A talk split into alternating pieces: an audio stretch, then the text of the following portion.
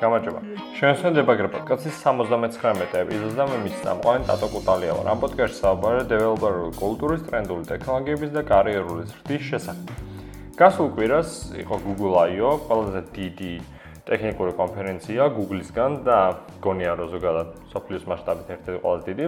სადაც წარმოდგენილი იყო ახალი Android-ი, რა განახლებები შედის ხელოვნური ინტელექტი Google-ის მიერ, როგორ განვითარდა სხვადასხვა პროდუქტები და ასე შემდეგ. მოკლედ, ძალათელი წლის დანაგროვები მასალა ერთიანად გამოიტანეს. დღევანდელი ეპიზოდი ამაზე არ არის, მაგრამ მომაფიქრდა სწორედ Google I/O-ს ყურების დროს და ყურების შემდეგ დაფიქრდი, რომ კარგი იქნებოდა ჩამეწერა ეპიზოდი, რომ რომელიც ასე პატარა რჩევებს მოგცემდა, როგორ უყუროთ კონფერენციებს ეფექტურად, განსაკუთრებით ონლაინ კონფერენციებს. COVID ეპოქაში ყველაფერი გადავიდა ონლაინ სივრცეში და ყველაფერი ეს ჩვენთვის უკვე ჩვეული გახდა, თუმცა კონფერენციებზე დასწრებას, ანუ კორონამდე, სულ სხვა ეფექტი ჰქონდა, სადაც ადამიანები ერთმანეთს ეცნობოდნენ, ქმნიდნენ ახალ წრეებს, ასევე რაღაც საინტერესო იდეათა მიმოცვლა იყო და ასევე იქ იყო სხვა სხვა რაღაც გასართობები, რაღაც ვორქშოპები, ფოტოების გადაღება, საჭმელი, დალევა, ცეკვა, თამაში, მოკლედ. ყველაფერი ეს მთლიანი კარგი გამოცდილება რაც შეგეძლო მიიღო, ეხლა გადმოინაცვლა უბრალოდ ჩენს ლეპტოპის ეკრანში და უყურებ მხოლოდ ამ ტექნიკურ სესიებს და ჩანაწერებს. აი ეს ნაწილი ახალი რეალურად არ არის, იმიტომ რომ მაშინდელ კონფერენციებსაც ჩანაწერები უკეთდებოდა და ნებისმიერ სურვილს შეეძლო როცა უნდა მე ნახოს, მაგრამ ძალიან ბევრს ალბათ გამოგვიცდია, რომ შეიძლება შეგვენახა იმ კონფერენციის ერთი 10 ვიდეო გაგვეხსნა ქრომის ტაბები და შეიძლება ერთი თვე გასულიყო და არ გვეყურებინა, იმიტომ რომ რაღაც ის მუხტი არ მოაქვს, რაც გვინდა და სანამ უშუალოდ რაღაცა არ დაგჭირდებოდა, რაღაცა გასარკვევი არ გექნებოდა, რაღაც ახალი მასალა სასწავლი, იქამდე იმ ვიდეოს არ ჩავთავდით და ნუ დანარჩენებს ალბათ უყურადღებოდ დავტოვებდით, ხო? აი ასეთი რაღაცა რო არ მომხდარიყო ბოლომდე Google-მა გააკეთა live სესიები, სადაც ეს დეველოპერები დასვა და რეალურ რეჟიმში შეგეძლო მათთვის კითხვების გაგზავნა და გიპასუხებდნენ შესაბამის პასუხებს, რაც ძალიან კარგი იყო, გაამართლა ყოველ შემთხვევაში, რომ მე პირადად ორი დღე თავიდან ბოლომდე დავუთმე Google I/O-ს იმ სესიებს, რომელიც მაინტერესებდა. მაგრამ ეს არ არის თავარი. ეხლა ამას დავფიქრდი და როგორ შეიძლება რომ უფრო ეფექტური გახდეს კონფერენციის სესიების ყურება.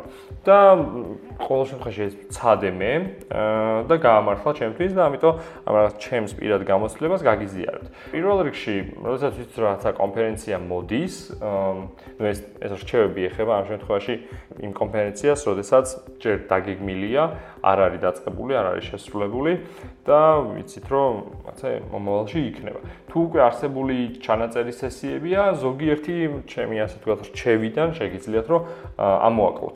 მოკლედ, სანამ ეს კონფერენცია დაიწყება, რაც სესიები დაიწყება, გონებაში ხო ვიცით რა თემებზე იქნება საუბარი. ყოველთვის ყველა თემას მოყვება აღწერა, ვინ არის სპიკერი და ვინ ისაუბრებს კონკრეტულად რა თემებს თემაზე.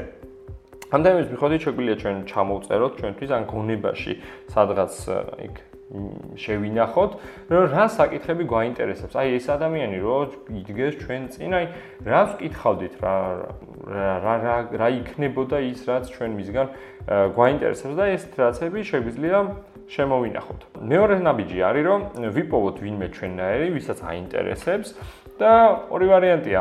ერთი რომ ორივე ერთად დაიწყოთ ყურება ამ სესიის, თუ live სესია არის ორივე.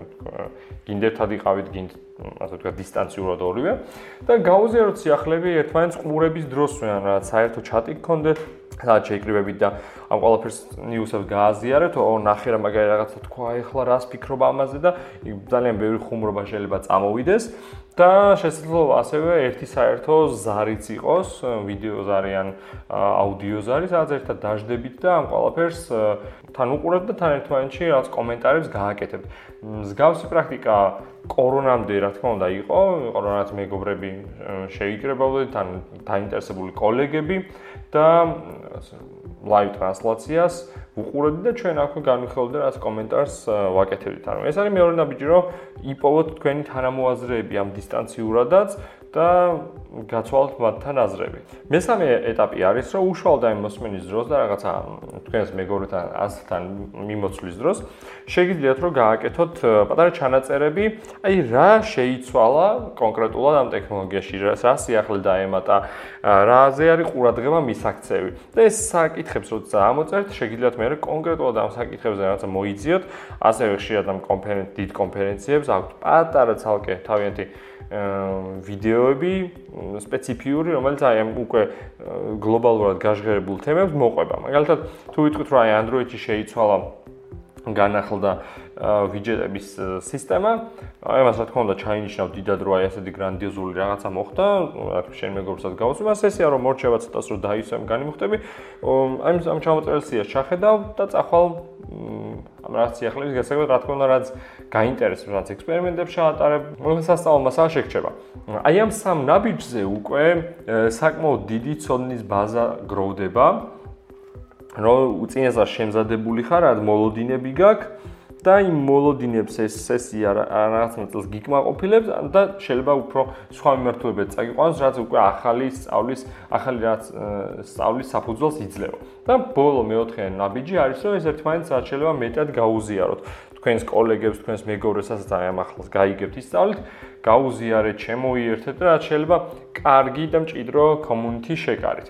თითქოს მარტივი არის, თუმცა რეალურად როცა დაიწყება ეს კონფერენცია, მაინც ცოტა ნებისყოფას მოითხოვს, მოითხოვს სურვილს, რომ ვიღაცა ჩართო და ეგოისტურად მარტო არის და არ უყურო და მე გადახვევებით არ უყურო.